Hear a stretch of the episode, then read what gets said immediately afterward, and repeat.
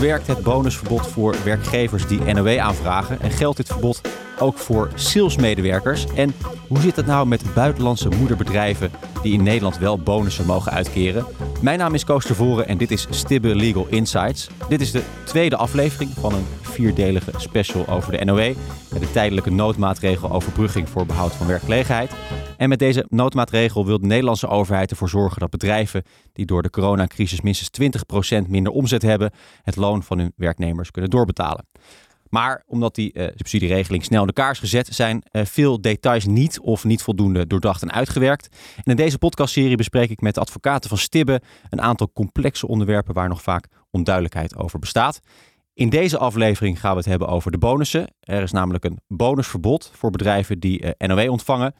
Ik praat erover met arbeidsrechtadvocaat Astrid Helstone en Sandra Putting. Zij is advocaat bestuursrecht bij Stibbe. Welkom allebei. Dankjewel. Dankjewel. Sandra, wat betekent dat bonusverbod nou precies? Ja, het, bonusverbod houdt in dat uh, werkgevers die NOW-subsidie hebben aangevraagd en hebben gekregen, dat die geen bonus mogen uitkeren aan het bestuur en de directie. En daarnaast heb je ook nog dat die werkgever geen uh, dividend uit mag keren en dat ze geen eigen aandelen in mogen kopen. En dat allemaal als gevolg van dat die subsidie is gekregen. En daarbij is het idee een beetje als je publiek geld krijgt, hè, overheidssteun, ja, dan mag je niet, zeg maar, als dat aan de ene kant het geld binnenkomt, het aan de andere kant aan je aandeelhouders zomaar uitgeven. Het idee is een beetje dat dat nou, niet helemaal klopt. Nou, de subsidie is ervoor bedoeld dat het bedrijf kan blijven draaien en niet per se dat de aandeelhouders hun geld blijven krijgen. Ja, precies. Ja. Okay. Nou, het verschil tussen de hoofdregel en de uh, concernuitzondering uh, bespraken we in de vorige aflevering al. Uh, het heeft Thomas toen uitgebreid toegelicht. Maar dit verschil is dus ook erg belangrijk voor het bonusverbod. Sandra, zou je dat verschil nog een keer kunnen uh, uitleggen? Ja, ja nee, dat de hoofdregel is in principe dat je dus NOW-subsidie aanvraagt, omdat de, de concern of de groep heeft een omzetdaling van meer dan 20%. En uh, als je dan verschillende werkgevers binnen dat concern kunnen een aanvraag doen, dan kunnen ze zelf beslissen. Maar als ze die aanvraag doen, dan moeten ze de omzetdaling van de groep doorgeven. En dan krijg je op grond daarvan dus een subsidiebedrag, zeg maar. Dat is eigenlijk de hoofdregel. En de concernuitzondering is dat ook als de groep als geheel niet die drempel van 20% omzetdaling haalt, mag een individuele werkmaatschappij binnen die groep alsnog NOW-subsidie aan, aanvragen als die wel die omzetdrempel uh, haalt. Dus wel omzetverlies heeft. Ja. En waarom is het dan? Want je zou kunnen zeggen dat, dat zo'n werkmaatschappij ook uh, gespekt kan worden door alle andere werkmaatschappijen die onder het concern vallen. Ja, dat, is, dat, dat zou je inderdaad kunnen denken. En dat is ook wat de minister dacht. Uh, uh, die dacht eigenlijk van, nou ja, in principe is zo'n concern coulant. Dus als uh, ergens in het concern wel omzetdaling is en ergens niet, dan wordt dat wel geschoven. Maar in de praktijk bleek dat toch niet helemaal het geval. En er was best wel wat, wat weerstand vanuit werkgevers, vanuit bedrijven. Dat zeiden, ja, we hebben, het is zo'n groot concern. zoveel coulantie is er eigenlijk helemaal niet. En we hebben ook voorbeelden dat bepaalde werkgevers helemaal niet wisten dat ze onderdeel waren van een concern. Die hadden eigenlijk helemaal geen benul daarvan. Dus dat, dat idee van coulance tussen binnen een concern of dat een moedermaatschappij dan wel bijspringt. Dat bleek in de praktijk gewoon niet echt zo te werken. En om, om toch een beetje gehoor te geven aan die bedrijven eh, die wel echt met veel omzetverlies te maken hadden, is dus die concernuitzondering in het leven geroepen, zodat ze toch wel NOW kunnen aanvragen. Maar goed, dan wel weer onder bepaalde strenge voorwaarden. Ja, ja, ja. Oké, okay, ik las trouwens wel laatst in het nieuws dat er ook bedrijven zijn die uh, NOW hebben aangevraagd in Nederland, maar in het buitenland dan toch wel dividend uitkeren. Hoe zit dat precies? Ja, nou dat Mag is uh, ja in principe uh, dat is, kwam inderdaad in het nieuws en zoals ook bij dat bericht stond dat dat is eigenlijk dat mag op grond van de NOW, want uh, ja we hadden net over de hoofdregel en de hoofdregel is in principe dat de werkgever die zelf dus NOW ontvangt, dat die geen dividend mag uitkeren. nou bij de concernuitzondering is dat een stuk breder. Dat daar mogen, mogen alle entiteiten binnen het hele concern geen dividend uitkeren. Maar ja, als je onder de hoofdregel de subsidie hebt aangevraagd, ja dan geldt eigenlijk helemaal geen ja, dan is dat niet verboden, zeg maar. En het is ook niet zo gek, want als je dus een bedrijf bent uh, dat in Japan zit, in die groep, ja, dan zou die nog steeds dividend moeten kunnen uitkeren als die zelf geen NOW heeft aangevraagd. En maar Sandra, wat heeft dat verschil tussen de hoofdregel en uh, de concernuitzondering precies voor gevolgen voor het bonusverbod? Ja, dat, dus het bonusverbod is ook echt wel wezenlijk anders onder, onder beide. Daarom is het goed om dat verschil eerst even te benadrukken. Want onder de hoofdregel is het zo dat, dat de werkgever die de NOW-subsidie heeft aangevraagd en heeft gekregen, dat die geen bonussen mag uitkeren aan het bestuur en de directie. Maar onder de concernuitzondering is de rijkwijde van het bonusverbod iets breder. Want daar mogen uh, niet alleen de bestuur en de directie van de werkgever die de subsidie heeft gekregen uh, geen bonus ontvangen, maar ook mag er geen bonus worden uitgekeerd aan de bestuur of de directie aan de hoofd van het concern of van de moedermaatschappij eigenlijk. En het idee daarachter is dus ook, nou ja, wat we net al uitlegden over het verschil tussen de hoofdregel en de concernuitzondering is. Bij de concernuitzondering heeft de groep in zijn geheel dus niet die omzetdaling behaald. Dus blijkbaar is het dus niet gelukt in de groep eigenlijk om elkaar financieel te ondersteunen. Dus is het idee dat ook bestuur en de directie van die groep geen bonus zouden mogen ontvangen.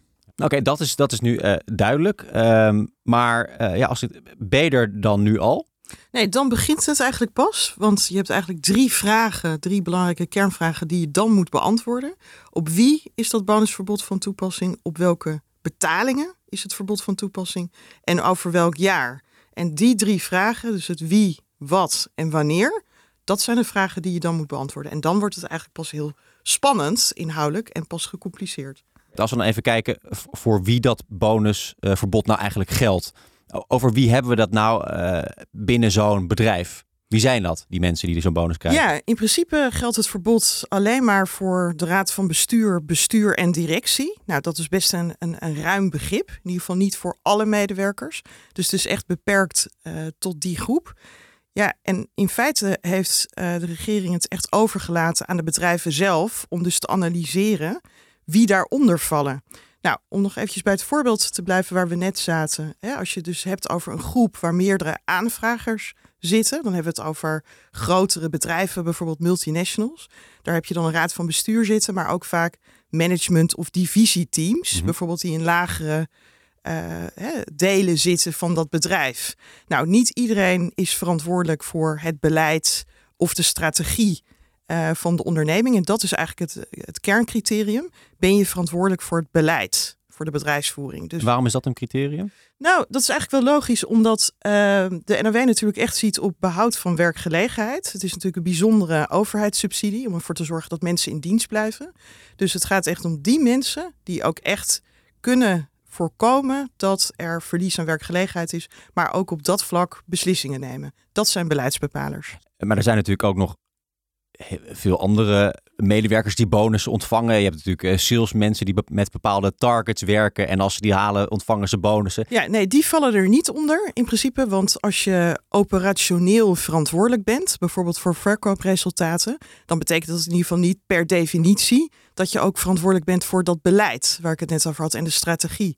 En een ander voorbeeld waar het dus moeilijker ook wordt, is laten we bijvoorbeeld dichter bij huis zoeken. We hadden het net over multinationals, maar bijvoorbeeld McDonald's, een hamburgerketen. Mhm. Dan heb je een landelijke directie die verantwoordelijk is voor de strategie. Uh, misschien worden er wel nieuwe ijsjes bijvoorbeeld uh, bij aangeboden of andere dingen aangeboden. En je hebt natuurlijk filialen van McDonald's, waar ook weer lokale managementteams zitten. Ja. Dus je moet steeds kijken wat voor structuur gaat het eigenlijk om. En wie is er uiteindelijk eindverantwoordelijk? Wie zijn de mensen die echt de zeggenschap hebben over de toekomst van zo'n bedrijf? Ja, ja. ja, nu hebben we het echt over de personen. Er zijn ook denk ik, verschillende vormen van bonussen. Of over welke bonussen hebben we het nou precies? Wanneer is iets nou een bonus? Ja, als we het, ja, als we het hebben over bonussen, dan hebben we het over alle prestatiegerelateerde vormen van beloning. Dus alles wat afhankelijk is van jouw individuele prestaties, maakt niet uit hoe je dat noemt, uh, commissie of winstdeling of prestatiebonus, dat valt allemaal onder het bonusverbod. Ja, ja. Hey, en Sandra, over, over welke periode is dat uh, bonusverbod nou van toepassing? Is, is dat variabel uh, over wanneer je de NOW hebt aangevraagd? Hoe zit dat? Uh, ja, dat, in principe is het vrij simpel. Dus het, het bonusverbod geldt voor het boekjaar waarin je de, van het subsidietijdvak, zeg maar. Dus als jij um, subsidie hebt aangevraagd voor bijvoorbeeld NOW 2, dan liep dat van juni tot en met september 2020. Dat was eigenlijk de periode waarover je subsidie kreeg. Dan mag je dus over het boekjaar 2020 uh, geen bonus uitkeren. Ja. Dus het verschilt inderdaad voor de NOW 3, die dan weer uh, deels in 2021 valt, uh, is, verschilt dat wel. Dus moet je goed kijken wat, wat, welk jaar de subsidietijdvak valt eigenlijk. En, um, de... vrij logisch toch? Uh, het gaat over dat jaar dat je subsidie krijgt. Dus in dat jaar mag je geen bonus uitkeren. Ja, het is, het is eigenlijk heel logisch. Maar toch zie je dat er wel nog wat problemen bij kunnen ontstaan. En, en een goed voorbeeld daarvan is, is bij Ajax. Want Ajax had uh, NW 2 subsidie aangevraagd, Mhm. maar had ook eh, bonus uitgekeerd. Dat had- hadden ze overigens al eerder uitgekeerd eigenlijk voor die aanvraag. Maar toen was daar wat ophef over, eh, terwijl uiteindelijk bleek dat die bonus was uitgekeerd over het boekjaar 2018-2019. In dat jaar was Ajax eh, Nederlands kampioen geworden en eh, nou ja, door die door die prestaties was er eigenlijk een bonus uitgekeerd. Maar je ziet dus dat die bonus helemaal niet ging over het jaar waarvoor de NOW was verkregen. Nee. Dus in principe eh, had het helemaal niks met elkaar te maken en mochten ze die bonus gewoon uitkeren. Nee, het gaat dus niet om wanneer die wordt uitgekeerd, maar wanneer de bonus eigenlijk verdiend is. Ja, eigenlijk, eigenlijk over welk boekjaar, zeg maar, eh, de bonus, eh, in welk boekjaar de bonus valt. Dus inderdaad.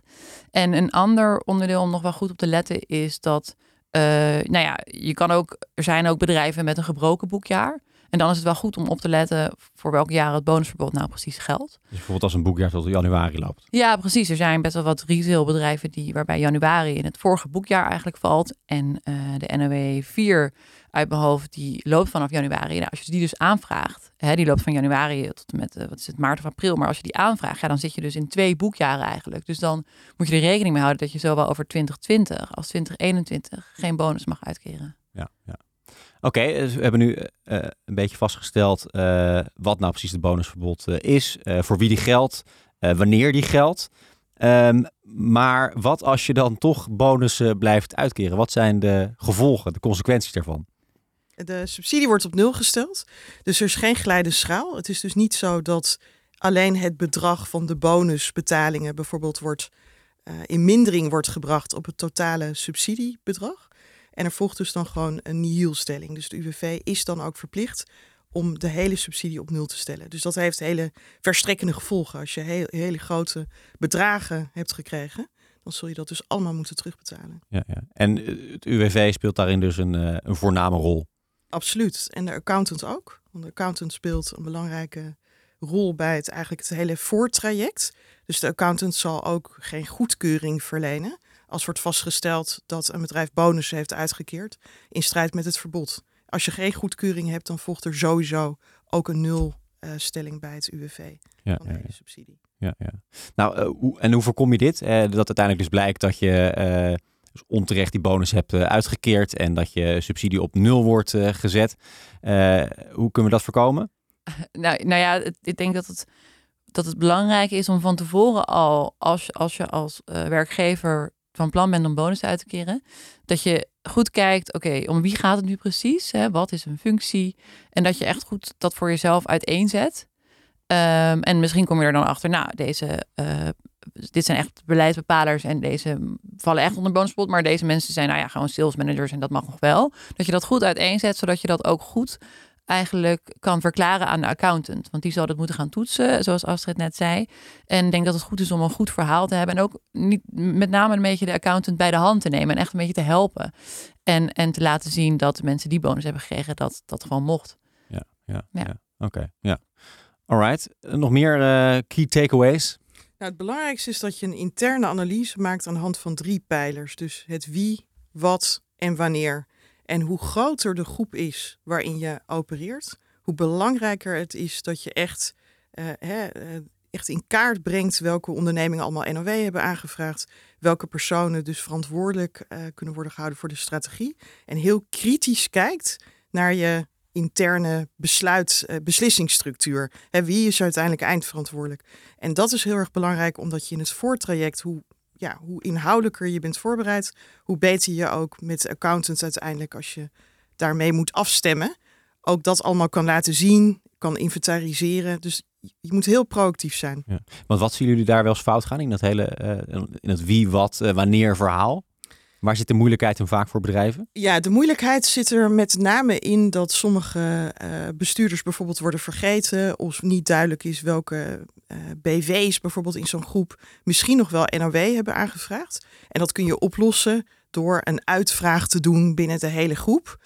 En echt die vraag nog eens te stellen. Dus het beste is eigenlijk om een vragenlijst te maken binnen de hele groep uit te zetten. En te zorgen dat je ook al die input hebt. Voordat je met de accountants eh, spreekt. Maar ik kan me voorstellen bij, bij hele grote concerns dat het best nog wel een opdracht is om dat allemaal inzichtelijk te maken. Ja, dat Kost wel klopt. tijd. Ja, dat klopt. Maar je hebt wel eh, gelukkig een eh, lange voorperiode, dus voordat je de vaststellingsaanvraag ook daadwerkelijk gaat indienen, is het ook echt belangrijk dat je dat voor bent. En gewoon, een lange, ja, gewoon goed de tijd neemt om dat allemaal in kaart te brengen. Ja, ja. Dus uh, dat komt natuurlijk al vaker terug in, in deze NOW-serie. Dat je eigenlijk hè, voor de aanvraag, daar zit echt de research en daar moet je alles goed op orde hebben. Ja. En als die aanvraag helemaal gedaan is, ja, dan valt er niet meer zoveel te herstellen. Klopt. Tot aan de vaststelling. Ja, klopt. Dus, uh, better be prepared. Ja, er vindt eigenlijk dus al een inhoudelijke toets plaats uh, als je met de accountant, als je je stukken aan de accountant laat zien. Dat is denk ik heel erg belangrijk. Dus je moet niet wachten uh, totdat die hele vaststellingsaanvraag nog eens door de accountant wordt beoordeeld, om dan pas je analyse te gaan maken. Ja, ja. ja dat, dat hangt ook wel een beetje samen met dat uh, dat, dat we echt denken dat de account, het, het oordeel van de accountant gaat heel leidend zijn voor het UWV. Dus er zijn ook wel mensen die zich afvragen, heeft het UWV geen eigen verantwoordelijkheid om te toetsen, omdat het een bestuursorgaan is die die aanvragen moet toetsen. Dat is natuurlijk, in principe is dat ook waar. Maar als je kijkt naar hoeveel werkgevers NOW hebben aangevraagd en hoe technisch ook soms zo'n analyse kan zijn, hè, denken wij dat de accountantsverklaring heel leidend gaat zijn voor het UWV en het UWV daar niet per se zelf nog extra onderzoek in gaat doen. En dit is ook heel uh, scherp gesteld door de minister. Dus ook de NBA, dat is de brancheorganisatie van de accountants, die heeft ook een protocol, maar die hebben bijvoorbeeld ook vragen, de frequently asked questions die ze publiceren. En ja, let daar ook op, want ook die guidance die zij geven, die wordt steeds geactualiseerd.